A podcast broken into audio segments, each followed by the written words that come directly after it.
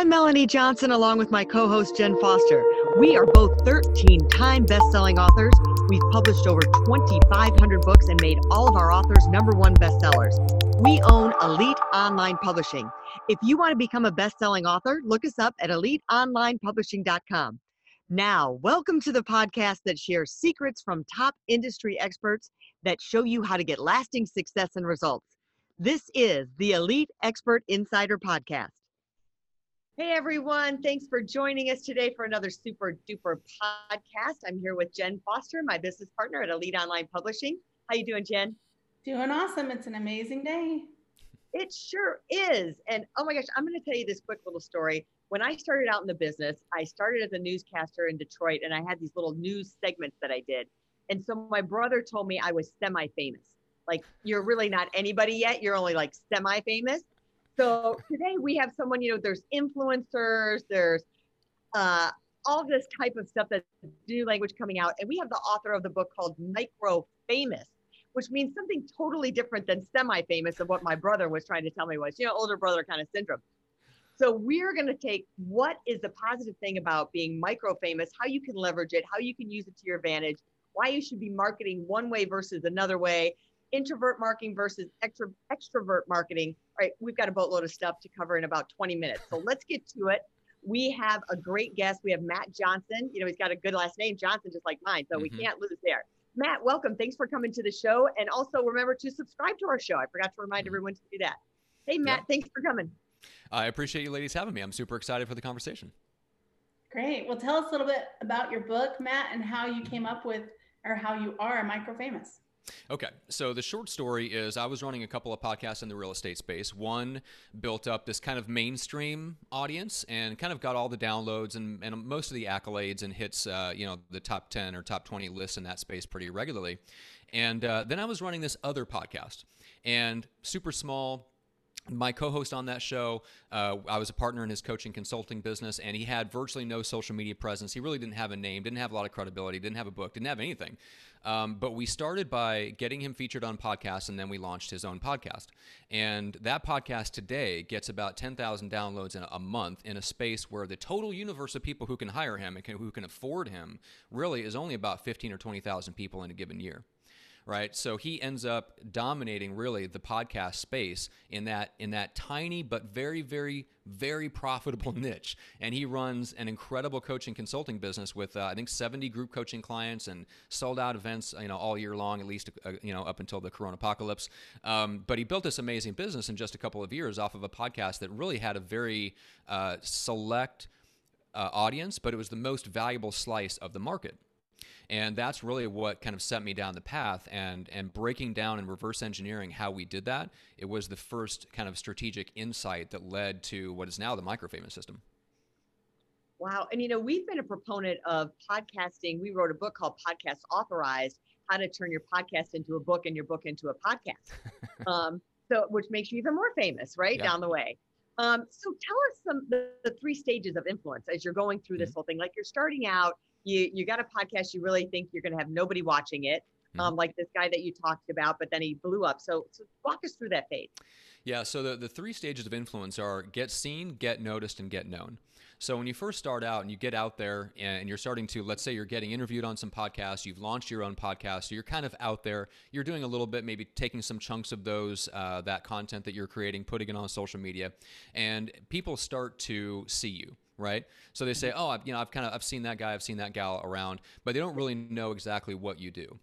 And a lot of people get stuck at that stage, right? But if you're focused enough and you really identify what your what your clear and compelling idea is for your business, then you start talking about in all of your uh, public, you know, persona is really based around one thing, you're going to start to cut through that noise. And you'll go from just being kind of seen to getting noticed, right? People start to take notice of you and they start to link you up with that idea, right? Matt's the micro famous guy. I don't really know exactly what that means, but I've seen it around and I've seen the brand and they start to kind of connect you with your idea.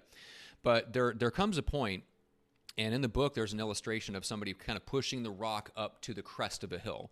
And that's what I would call kind of that tipping point of influence. It's you're you're getting seen, you're getting noticed, but then you start to hit this tipping point where you become known. And that's when the rock starts to roll down the other side of the hill, which is the nice part. It starts to build momentum, you start to get word of mouth, and really what happens is the market agrees with you that you are that idea, you are known for one thing. So one of the best examples is John Maxwell. Right, so we all know John Maxwell. He's written, you know, leadership books since I was before I was in high school. his leadership book uh, was was literally the book, the textbook for one of my high school classes. Um, I guarantee you, if John Maxwell comes out with a book tomorrow, the word leadership or leader is probably going to be in the title, and we all know it, right? So if you're if you're planning an event and you want somebody to come in and speak on leadership, odds are you're thinking of John Maxwell. Either it's him and a whole bunch of other people. So we, we think about that and we, we admire that. You know, John Maxwell equals leadership, but that was by design, that was intentionally done. And he keeps on writing books and he keeps his, his entire marketing uh, system is based around reinforcing that one idea.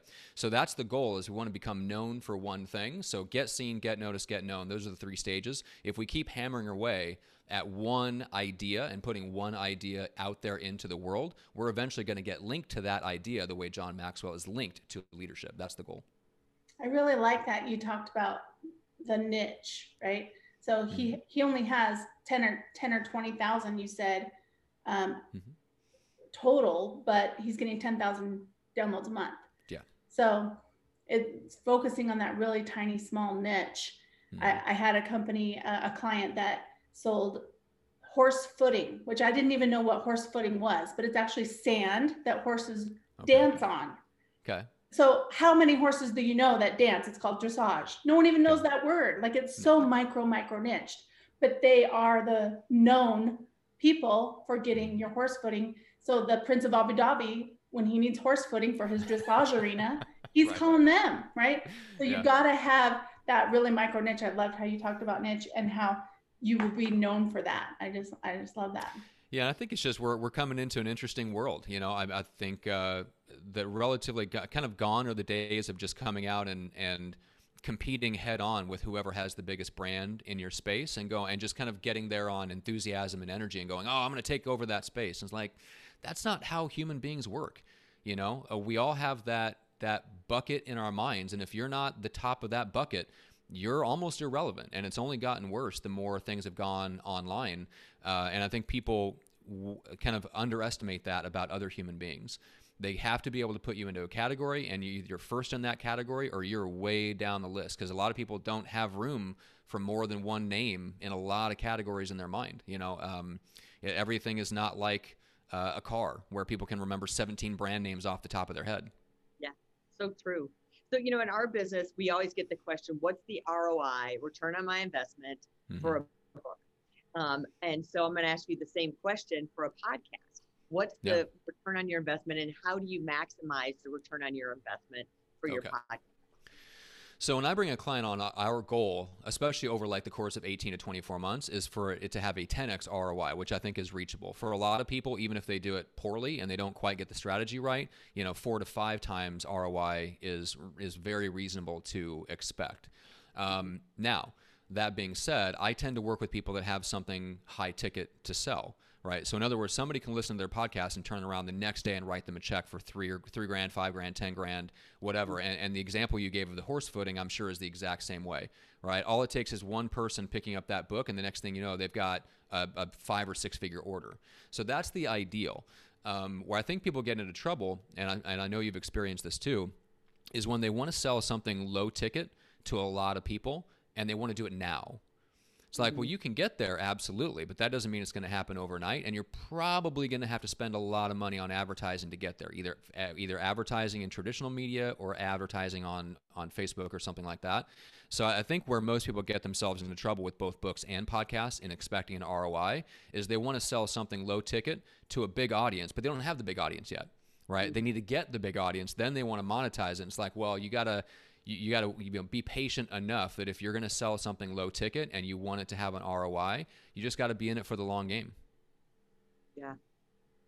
And we're finding we always say with our with books, it's not necessarily about the book sales. So mm-hmm. like with a podcast, it's not necessarily about how many eyeballs you're getting to see. It's about the relationships that you get and the credibility that you're creating with it, with um, writing yeah. that book or doing that podcast or well, being on other podcasts.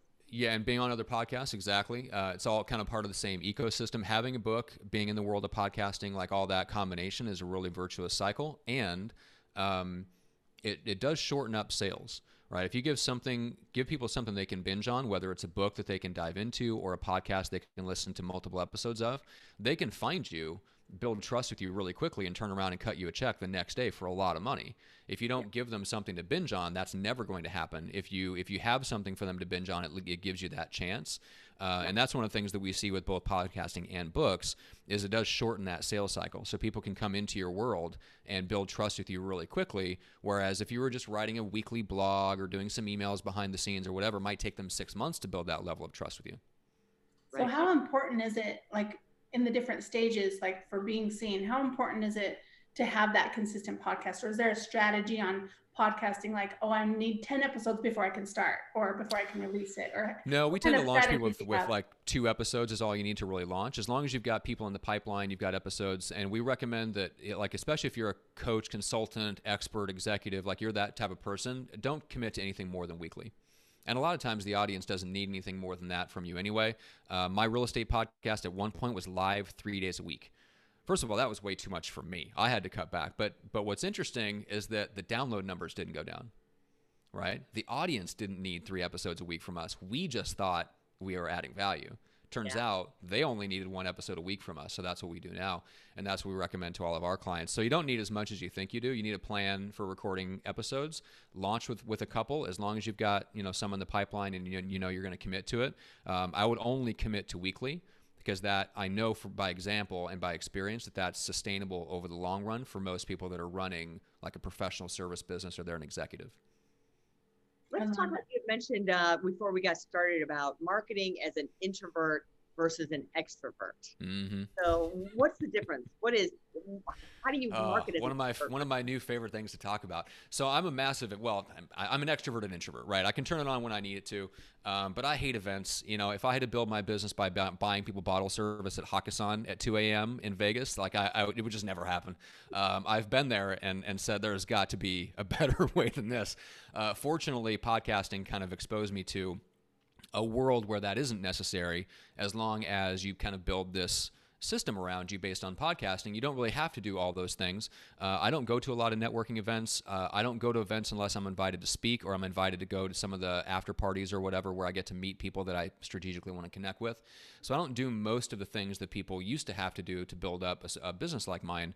And it's because I can pretty much reach out to just about anybody I want to connect with and either invite them onto my show or get pitched to go onto their show. And then we have this amazing, deep, 30 or 45 minute conversation that kicks off that relationship really well, then I can follow up with introductions and other ways to kind of push that relationship further. And uh, it builds all the strategic relationships I could ever want. And it ge- directly generates referrals. Um, you know, sometimes I'll run into people that are directly clients. I, I know you guys have experienced that.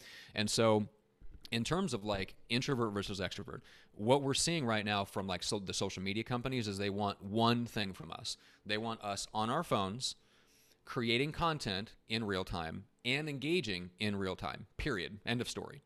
They don't want us creating content and scheduling it a month in advance. They don't want us posting multiple times a day stuff that's that that we've created, you know, six months ago. They don't want us, cre- you know, having a VA in the Philippines build stuff for us and put. They don't want any of that anymore. None of that stuff works, unfortunately. Um, what they want is for us to be on our devices in real time, which means social media part of marketing has massively shifted over the last couple of years to favor people that enjoy doing that, right? To the detriment of all the introverts out there, right? I don't want to be on social media all the time. I don't want to be creating content, engaging in real time. And we're starting to see that, you know, like even the the new platform that everybody's raving about right now is Clubhouse. If you're listening to this, this is January 2021. I'm getting all the, you know, I'm seeing all the same posts you guys have. Oh, you gotta if you're if you're not on Clubhouse, you're missing out and all this stuff. Um, and there's two kinds of people that I see jumping on new platforms like that, which is number one, people that don't have their marketing figured out yet, and they're not quite sure what they're offering or where they're building their influence. And number two, the other kind of person that's jumping on that is people that have their stuff so dialed in that they can afford to tinker. And so they're tinkering a little bit, right? Those are the kinds of people. And if you're not in one of those two groups, uh, like me, like I'm not in either one of those groups, um, I don't want to tinker right now. I've got other stuff to tinker with. Um, I've got my stuff dialed in, but that doesn't mean I want to experiment with a yet another platform where I have to create content and engage in real time. I want to do something where it's time shifted, where people can find out about me when I'm not creating content, where it doesn't depend on me engaging in real time for it to grow. And podcasting doesn't rely on any of that stuff. Like all of social media could go down tomorrow, and my business keeps chugging right along, and so do most of my clients because our marketing is based on podcasting and not on social media. So from from the introvert's perspective, if being social is an energy drain like it is for me like you only have so much time of the day where you can be social and it's enjoyable and it's refreshing and then you need to go take a nap. Uh, and if that's you like podcasting and and the combination of podcasting and books especially is way better suited for you as an introvert. Um, and that gives you license to ignore all the advice of the Gary V's and Grant Cardones of the world that God bless them, they're extroverts and they have no idea what it's like to feel like an introvert. So that gives you license to kind of ignore all that advice, even though it works perfectly well for them. I love that. Other than that, other than that, I have no thoughts on the matter. Yeah, I love it. But you know, I, I'm glad that you talked about, you know, the, the big names that are the extroverts because I think a lot of people look at them and say, oh, I have to be like them if I want to be a billionaire, if I want to be like that, or if I want to get known like them. But but the truth is, is you don't have to be. Like you said, it's just a simple formula: the be seen, get noticed, and then get known, right? And mm-hmm. and follow that formula. Get on a podcast and have someone like you who knows what they're doing to produce their podcast, get their podcast out, and help them with that strategy and that plan, that whole podcast plan. Yeah, yeah, exactly. It's um, it's it's just it's a new world right now, and and the social media companies have decided what they want, and it doesn't work well for for introverts. And so I think instead of uh, instead of trying to be something that we're not, I'm hoping to get out the message that we don't have to change, right? And I think that's the message that a lot of us take in is that oh man, like in order to be successful, I got to change who I am. I need to be quote unquote more social. Uh, and I don't think that's the answer. Uh, I think for most introverts, even if you can do it, which some can, um, it's unsustainable over the long run. You will burn out at some point, and then what happens when you burn out? Then you want to pull away completely.